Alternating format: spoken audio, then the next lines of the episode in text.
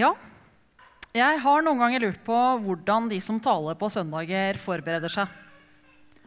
Bruker de dagevis på å skrive talen? Setter de seg ned dagen før? Eller er det kanskje dem som tar talen liksom nærmest på sparket? Stoler på Den hellige ånd og noen få stikkord på arket. Og Jeg vet ikke så mye om hvordan andre talere gjør det, men for meg så begynte denne talen her sånn faktisk allerede i høst. For da fikk jeg en telefon om jeg kunne tenke meg å tale her på 8. mars. Og jeg tenkte mm, ja, vil jeg det? Jeg er forfatter, jeg liker meg kjempegodt ved skrivepulten. Men det å snakke foran en forsamling, det er noe helt annet. Dessuten så er det mange av Bibelens tekster som er vanskelig å snakke om fra et forfatterperspektiv. Og det er mitt perspektiv som taler og som leser. Så jeg spurte da, ok, hvilke tekster er det som er aktuelle den 8. mars. Og da jeg fikk høre at Jakobskampen var en av tekstene i dag, så ble jeg bare helt taus, og så sa jeg ja. Og så satte jeg meg nærmest rett ned og skrev førsteutkast til talen der og da. For akkurat de høstdagene så hadde jeg gått og kjent på og tenkt på Jakobskampen og kjent på den i mitt eget liv. Og Som forfatter så er også Jakobskampen en bibelpassasje som jeg har brukt som ja, tematikk, kanskje, eller i hvert fall underliggende tematikk, i en av de første romanene mine, den som heter 'Tårnseilere'. Så Derfor er jeg her i dag, og jeg skal snakke om Jakobskampen fra et forfatterperspektiv. Men først så har jeg lyst til å be. Kjære Jesus. Hjelp oss å se og høre hva ditt ord i denne teksten betyr. Og gi oss åpne hjerter, så vi kan ta inn det din ånd gir oss hjelp til å forstå. Amen. Og Nå skal jeg lese teksten vi skal se på sammen i dag. Men den blir stående oppe på Powerpoint under hele talen. egentlig. Så jeg vil egentlig foreslå at de av dere som har helse og humør til det, rett og slett ikke sitter og leser fra skjerm, men lukker øynene og prøver å være med inn i teksten og se for dere hva som hender i denne fortellingen om Jakob, som også står i 1. Mosebok, kapittel 32, vers 24-30. Men jeg har også valgt å ta med vers 31. Jakob var alene tilbake, og en mann kjempet med ham helt til det grydde av dag.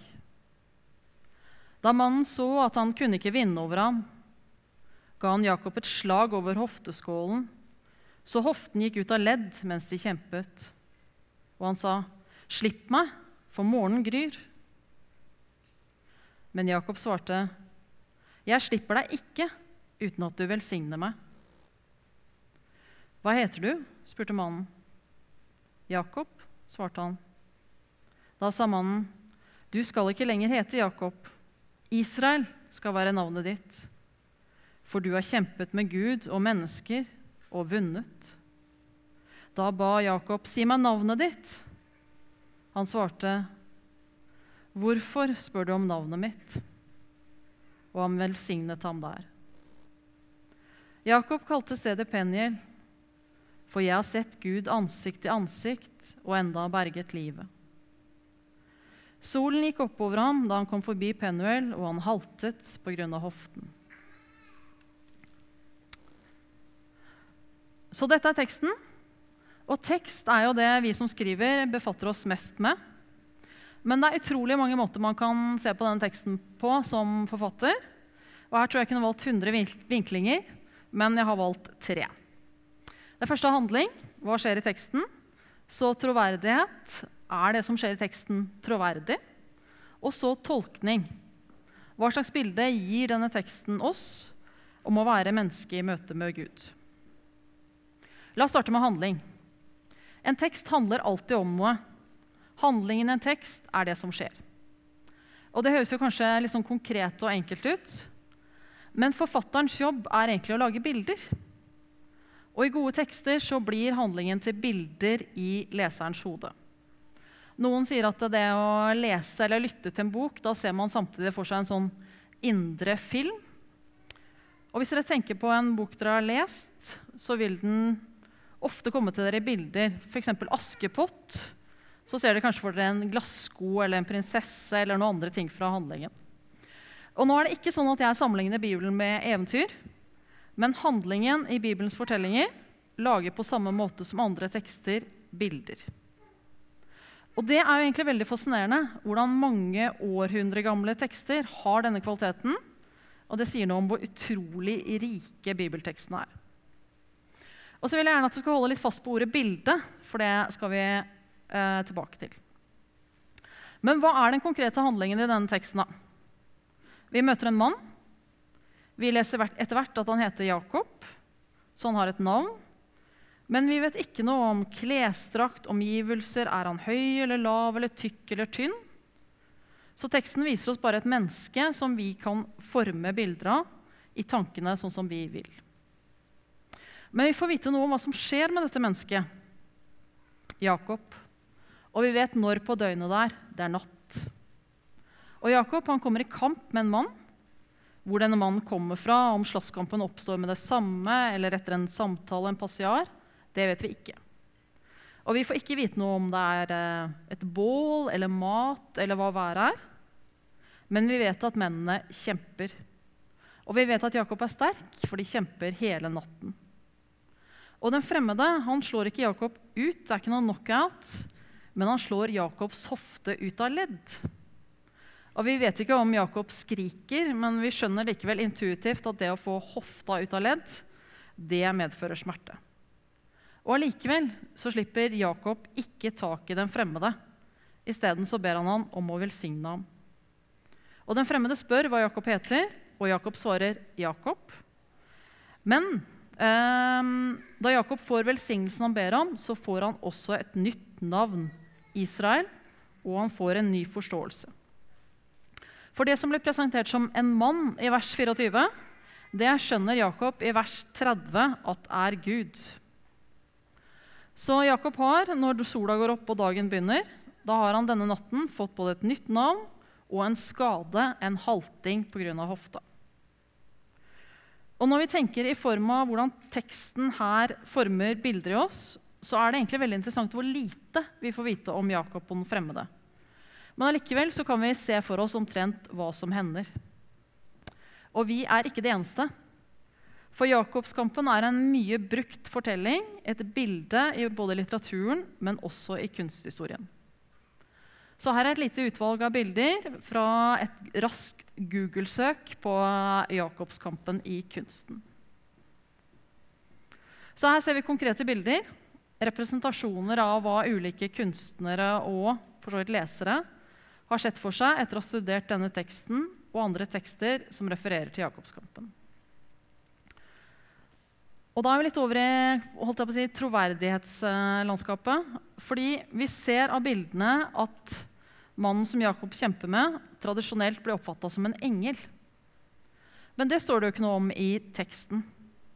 Så her har kunstnerne laget sine egne bilder av handlingen som går utenfor det teksten forteller. Men så må jeg nok legge til at de har nok skottet til Hosea 12, 4 og 5, hvor det står at Jakob kjemper med Gud. Han kjempet med engelen og vant. Men århundrene, gjennom århundrene så har dette her blitt en ganske kjent representasjon av Jakobskampen. Og når vi ser de bildene, så tenker vi kanskje at ja, sånn kunne det ha vært.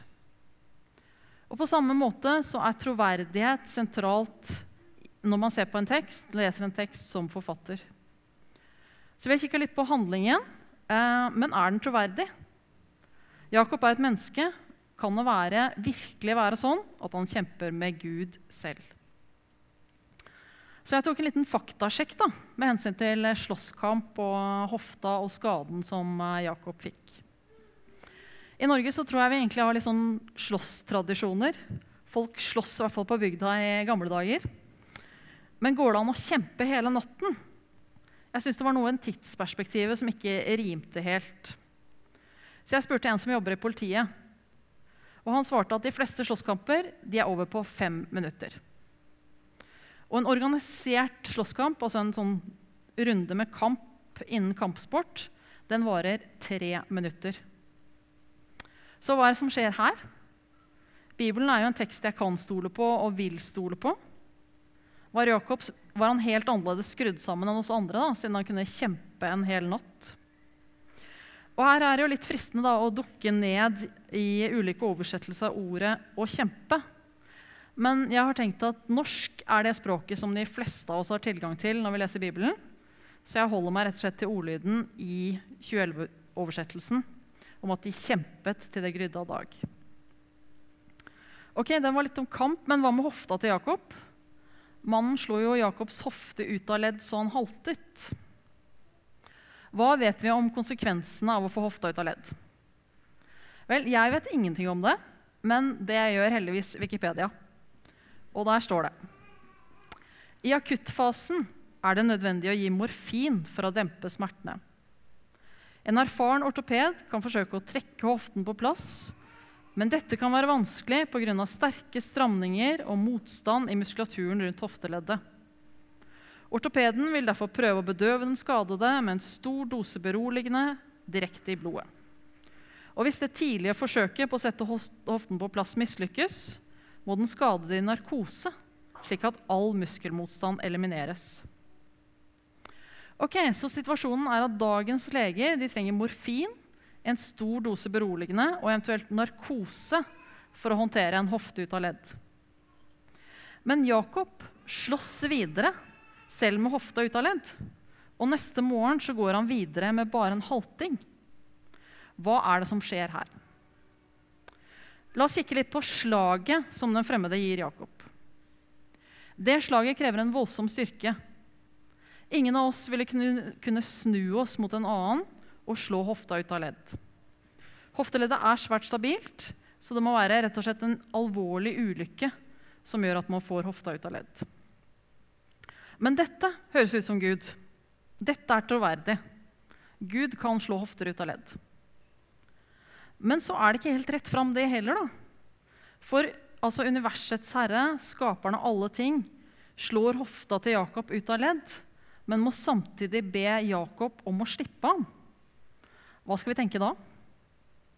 Hmm. Ja, Vi så i stad på bildene at kunstnerne har tegna mannen som en engel. Så mange har altså ikke sett for seg Gud selv her, men en engel. Men engler, Guds sendebud, har jo Guds kraft. Så skulle mennesket Jakob være fysisk sterkere enn en Guds engel? Så her er det noe rart også med både slåsskampen og styrkeforholdet. Og hva er egentlig dealen med Jakob? Han havner jo ikke i narkose. Han går videre, selv om han riktignok halter. Så hva skjer her? Er ikke brivbilen troverdig? Jo, det er kanskje nettopp det den er. Denne bibelfortellingen kan etter mitt syn leses eller tolkes på ja, i hvert fall to måter. Det er sikkert mange mange, mange måter. Men. Um, for det første, helt konkret, som en sann fortelling om en mann som heter Jakob, som fysisk kjemper hele natten med Gud, og som tvinger Gud til å velsigne ham. Men Gud slår hofta til Jakob ut av ledd, så Jakob går halvt videre i livet. Teksten kan også forstås helt bokstavelig. En fysisk kamp som ender med en hofte ut av ledd, en samtale og en ny innsikt. Men de rikeste tekstene er jo de som har rom for tolkning, og som sier noe mer enn bare det den konkrete handlingen forteller om.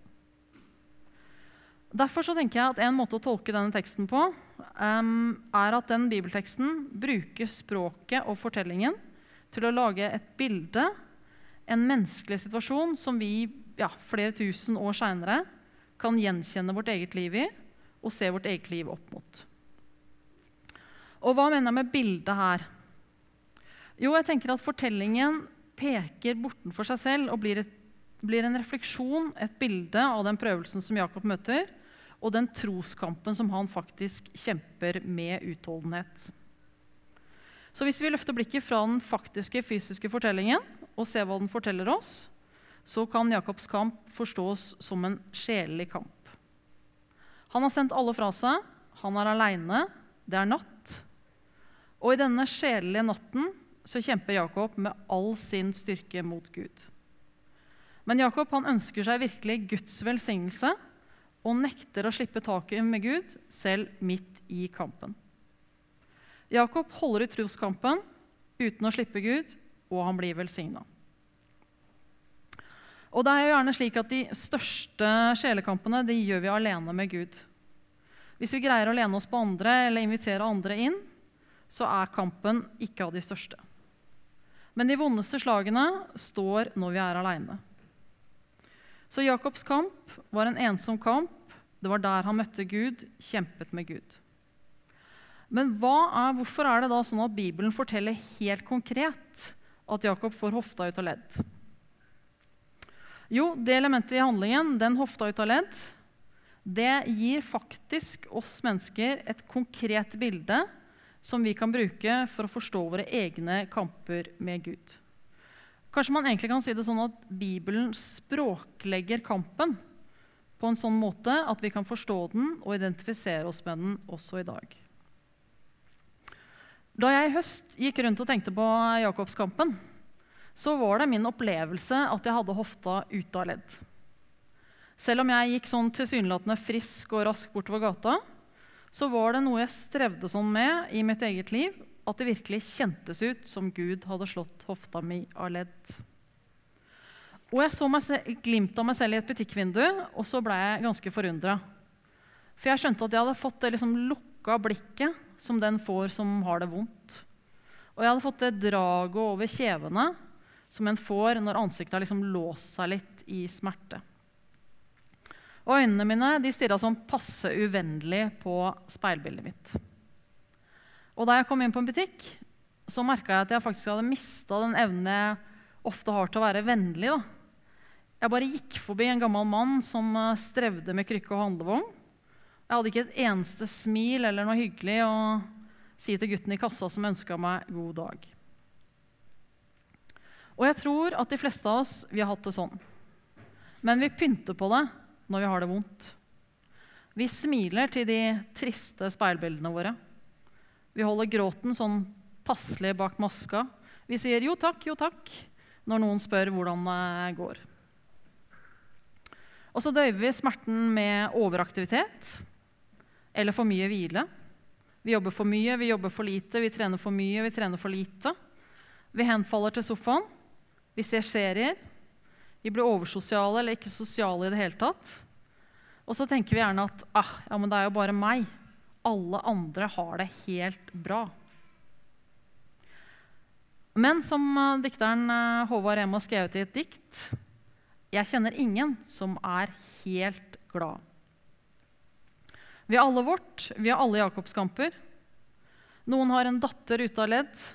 Noen har en sønn som verker dag og natt. Noen har en sykdom som knapt er til å være i. Noen har samlivsproblemer som skaper stor smerte. Andre har vanskeligheter med seg sjøl som gjør at tankene kjennes ut som piggtråd rundt panna. Ingen tror jeg alltid er helt glad. Og det er 8. mars i dag. Det er den internasjonale kvinnedagen. Kvinner har slåss med samfunnet, med seg selv og med Gud om likeverd for sitt kjønn, for mitt kjønn. Og den kampen har kostet. Det var hofter ut av ledd, familier ut av lage, samfunn som måtte forandres. Og I noen land så pågår Jakobskampen, eller burde pågå, akkurat nå med full styrke når det gjelder kvinners rettigheter. 8. mars er med andre ord en sånn fra gammelt av en kampdag, et symbol på kamper som kvinner og menn har kjempet. Og jeg tenker at Vi som er kvinner i dag, har fått dette i gave av de som gikk foran oss. Det er fortsatt sånn at det er arbeid som gjenstår. Det er fortsatt sånn at menn og kvinner lønnes av og til ulikt eller forskjellsbehandles. Men det er også godt å være kvinne i Norge i dag. Og jeg tenker at Noe av det skyldes de som har kjempet for dette i tiårene og århundrene før mitt liv her og nå. Og Når jeg står her som kvinne i dag, så er jeg takknemlig for kampen som de tok. Jeg kan som kvinne ta utdanning, jeg kan jobbe, jeg kan reise. Jeg har frihet til å være den jeg vil. Fordi noen andre har kjempet 8. mars-kamper, og For mange av dem fortonte den kampen seg sikkert til tider som en Jakobskamp, en alvorlig kamp som ga sår, men også seier. Så Jakob eh, møtte Gud og kjempet med Gud denne natten. Og menneskets fysiske krefter er begrensa, men Gud ga oss fri vilje. Og i vår egen sjel så kan vi kjempe med Gud og ikke slippe. Og i vårt eget indre så kan vi absolutt kjempe ikke bare hele natten, men hele dagen, mange uker, mange måneder. Ikke alltid med samme intensitet, men allikevel i kamp. Og sånne kamper de koster alltid. Og i den indre kampen så kan vi få hofta ledd, så vi halter gjennom livet. Men vi kan også få et nytt navn som Gud velsigner oss med. Det kan være det nye navnet er han som kjempet med Gud og fant mot til å leve med døden midt i livet. Hun som kjempet med Gud og måtte overgi sin egen vilje, men fant fred. Hun som kjempet med Gud om kjærlighet og ikke fant en ektefelle, men fant frihet. Han som strevde med synden og måtte oppgi noe, men fant sin egen styrke. Han som strevde med Gud om uoppfylte, harde ambisjoner, og isteden fant tid med sin egen familie. Det kan være så utrolig mange navn som vi får etter en kamp med Gud. Men jeg tror klokskapen ligger i å gjenkjenne det nettopp som en kamp med Gud. Og det gjør Jakob. Han skjønner at han har kjempa med Gud. Han forstår alvoret i det. Han har sett Gud ansikt til ansikt og berget livet. Og disse ensomme kampene, Jakobskampene, de kommer vel bare når man ikke har noen annen mulighet. Når alle de vanlige tingene som vi kan gjemme vårt indre bak, er borte. Eller når saken er så alvorlig for oss at vi ikke kan la være å kjempe med Gud, bryte med Gud i bønn eller på andre måter hele natten og kjenne smerten i kroppen og sjelen og faktisk vite at dette kan vi dø av. Men så har vi vers 31. Og solen går oppover Jakob, står det i vers 31. Solen gikk opp over han da han kom forbi Penuel. Og Det var derfor jeg gjerne ville ha med det verset, selv om det ikke offisielt står i dagens prekentekst. For igjen så møter vi et bilde som vi mennesker kan forstå. Vi vet hvordan det kjennes ut når solen går opp, når kampen er over, når vi ser at vi greide det, eller at Gud greide det for oss. Vi venner oss kanskje til når sola går opp, til å leve uten det vi kjempet med Gud om å få. Eller vi våger å ta imot håp om forandring, gi slipp på tankene om at alt kommer til å være like vanskelig som nå. Og da kjennes det ut som sola går opp. Vi kan legge kampen bak oss. Vi kan gå ut i den fysiske sola i hverdagen vår, kjenne varmen mot ansiktet, kjenne freden som kommer med lyset. Og I siste del av vers 31 står det 'og han haltet pga. hoften'. Så som Jakob så står vi kanskje der da, med hofta ut av ledd, med øyne som har vært harde av gråt, eller en hodepine som bestandig kommer når vi kjemper med noe. Ja vel, så har vi hofter ut av ledd, men samtidig så har vi soloppgang, en ny dag og et nytt navn. Og kanskje du står i eller har stått i en Jakobskamp. Det har jeg også. Og antagelig den personen som sitter ved siden av deg, bak deg eller foran deg. Vi skjuler ofte våre jakobskamper for hverandre. Vi kjemper dem aleine, men vi kjemper dem med Gud. Og Gud velsigner oss etter den kampen, og han gir oss et nytt navn. Nå er det noen måneder siden de høstdagene jeg kjempet med Gud og følte at jeg hadde hofta ute av ledd. Hva har skjedd? Har jeg blitt velsigna? Ja, jeg har blitt velsigna. For det jeg kjempa med, har jeg fått en annen forståelse for. Og følelsen av å ha hofta ut av ledd er helt forandra. Det hender at det verker på samme sted, i de samme tankene av og til. Men nå kjennes det ut som kampen egentlig mest har gjort meg litt mer klok. Og det jeg har strevet med, har bytta navn fra kamp til fred. Og med fred kommer håp, og med håp kommer mot. Og kanskje det er det Jakobskampen aller dypest sett handler om. Å gå fra kamp til fred, til håp og livsmot. Jeg tenkte jeg skulle slutte med en helt kort bønn. Kjære Jesus. Hvis det er noen her som kjemper en Jakobskamp i dag, så gi dem håp om et nytt navn. Gi dem kraft til å ikke slippe deg før du har velsignet dem. Gi dem soloppganger og nytt livsmot. Amen.